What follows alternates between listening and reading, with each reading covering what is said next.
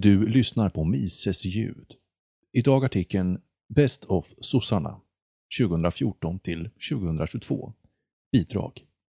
Författare Rickard Dahlin. Artikeln publicerades på mises.se 15 mars 2022. The welfare state is the oldest con game in the world. First you take people's money away quietly, and then you give some of it back to them flamboyantly. Thomas Sowell. Socialdemokraterna har nu styrt landet med flera ödesdigra konsekvenser som följd i snart åtta år. Socialdemokratiska ungdomsförbundet, SSU, vill lyfta 100 reformer som de menar har gynnat landet, folket, national och välfärdsstaten. Några av satsningarna, som det brukar heta, syftar endast till att höja bidragen. Barn, studie, tandvårds och barnglasögonsbidrag och ökat flerbarnstillägg är några av reformerna som har lyfts fram som någonting positivt. Det många inte förstår är att detta är skattemedel som den arbetande medel- och arbetarklassen står för. Det vill säga det som får tillbaka en liten andel av det som de har betalat in. Välfärdsstaten kan aldrig skapa någonting, utan den kan endast ge tillbaka lite av vad den har tagit, stulit. Välfärdsstaten gynnar inte arbetande människor, utan den är till för dem som inte kan stå på egna ben. I dagens Sverige är det invandrare som i stor utsträckning är arbetslösa och andra människor som helt enkelt saknar de färdigheter, kunskaper och krav som ett avancerat samhälle ställer på sina medborgare. Eftersom välfärdsstaten inte skapar ekonomisk avkastning kan den helt enkelt endast gynna en grupp på en annan grupps bekostnad. Det är så en välfärdsstat fungerar. En del vill förfakta att den påminner om en försäkring, men ett försäkringsbolag har helt andra incitament. Det måste gå med vinst, vilket gör att de investerar försäkringstagarens pengar för att garantera att det finns pengar att betala ut när döden kräver det. Välfärdsstaten höjer endast avgifterna, skatterna, i tider av kris. Hade ett försäkringsbolag gjort på det viset står det i sinom tid utan kunder och går således i konkurs. Vidare skapar bidrag, alla sorter, urusla incitament att dels försörja sig och dels ta hand om sig själv och sin familj.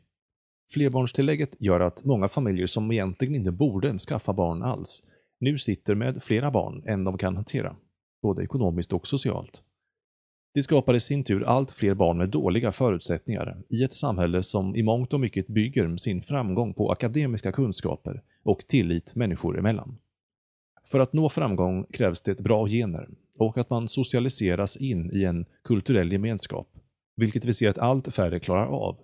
I synnerhet folk som lever i andra etniska enklaver än västerländska och svenska.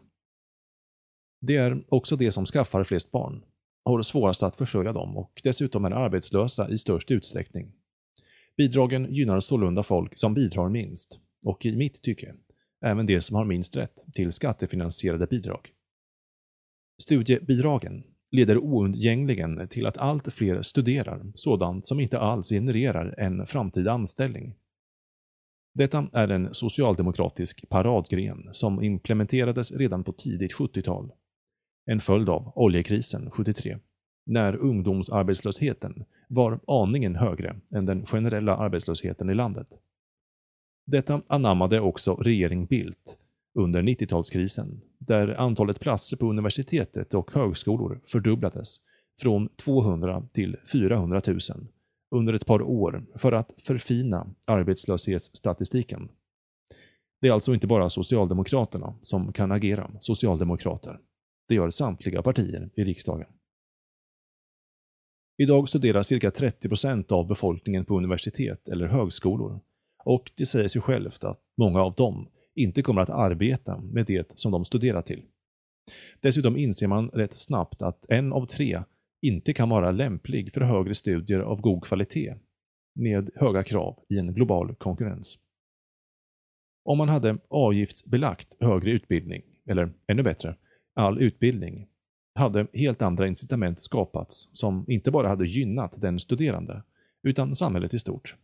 För då hade folk haft betydligt starkare drivkraft att studera sådant som faktiskt ger ett arbete, inkomst, efter avslutade studier. Många som studerar idag gör det i brist på annan sysselsättning eller för att det är kul. Studier ska inte vara en ersättning för annan, mer lukrativ sysselsättning, utan syftar till att man ska lära sig saker för att kunna arbeta. Välfärdsstaten förlorar på två sätt genom att skapa fler utbildningsplatser till utbildningar som inte leder till arbete. 1.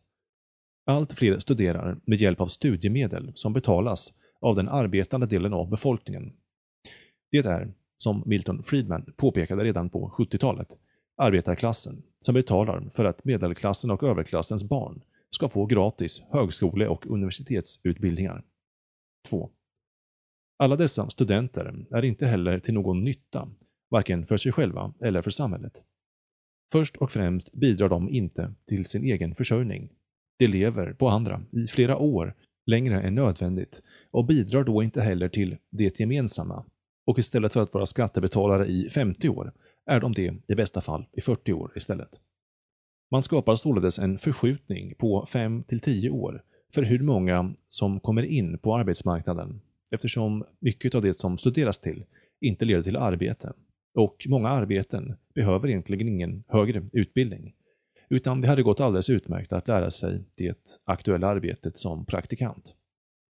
Det här får också konsekvenser för barnafödandet som skjuts upp allt längre i åldrarna vilket vi ser i form av att allt fler barn med ADHD, autism och andra genetiska svårigheter, som är en följd av att vi blir föräldrar allt längre upp i åren. Om man nu vill värna välfärdsstaten och skatteintäkterna, borde allt fokus ligga på att få så många i arbete som möjligt, för att kunna beskatta dem så hårt som möjligt och under så många år som bara möjligt. Det må låta cyniskt, men det är precis så en välfärdsstat frodas. En del hävdar då att befolkningen måste vara högutbildad för att kunna tillhöra den tertiära ekonomiska sektorn. Den som avlönas högst, det som i vardagligt tal kallas för tjänstesektorn. Medan man glömmer bort att det också leder till att allt fler inte passar in på arbetsmarknaden, vilket vi ser med all tydlighet senaste decennierna när arbetslösheten stiger decennium efter decennium. Det som inte lämpar sig för avancerade yrken och utbildningar hamnar utanför ekonomin helt och hållet, vilket urholkar arbetande människors plånböcker och det skapar också motsättningar, numera med etniska förtecken, mellan arbetande och icke arbetande människor. En välfungerande och oberoende nation behöver ha arbetstillfällen i både primär sektor, jordbruk, sekundär sektor, tillverknings och produktionsindustrin, tertiär sektor, tjänstesektorn men helst också kvartärsektorn, forskning, innovation och kunskap. Allt detta kan inte en hel befolkning vara lämpad för, varför man behöver ha arbeten inom alla områden för att så många som möjligt ska komma i arbete. Alla klarar inte av att vara jordbrukare eller elektriker. Inte heller klarar alla av att vara akademiker, innovatörer eller intellektuella. Ett samhälle bör bestå av alla delar av dessa sektorer Annars kommer det, som vi ser, sluta med att många slås ut och står utanför samhället, arbetsmarknaden. Socialdemokraternas vision är att samtliga ska bli akademisk medelklass. Men eftersom de saknar insikten att alla inte är lämpade för det, kommer man att fatalt misslyckas. Och det är dyrt för alla. Vi ser också att allt fler arbeten som kräver mycket mankraft flyr landet sedan flera decennier och att det gör det ännu svårare att nå Europas lägsta arbetslöshet. Det handlar om att världens konsumenter betalar för vår välfärdsstat genom att alla svenska exportvaror som kräver många arbetande timmar blir oproportionerligt dyra. I en global ekonomi finns det således globala priser. Antingen har man lägst pris eller bäst kvalitet på sina varor. Givet det faktum att basindustrin flyttar ut och kvar blir den avancerade tertiära ekonomin får vi hög arbetslöshet. Och eftersom vi importerar mängder med människor som aldrig någonsin kommer att kunna arbeta inom det högre skicket av den ekonomiska pyramiden skapar vi på sikt ännu högre arbetslöshet, vilket i sin tur kräver ännu högre och mer bidrag. Ännu fler satsningar på allt mellan himmel och jord, samtidigt som allt färre försörjer allt fler. Ekvationen är ohållbar.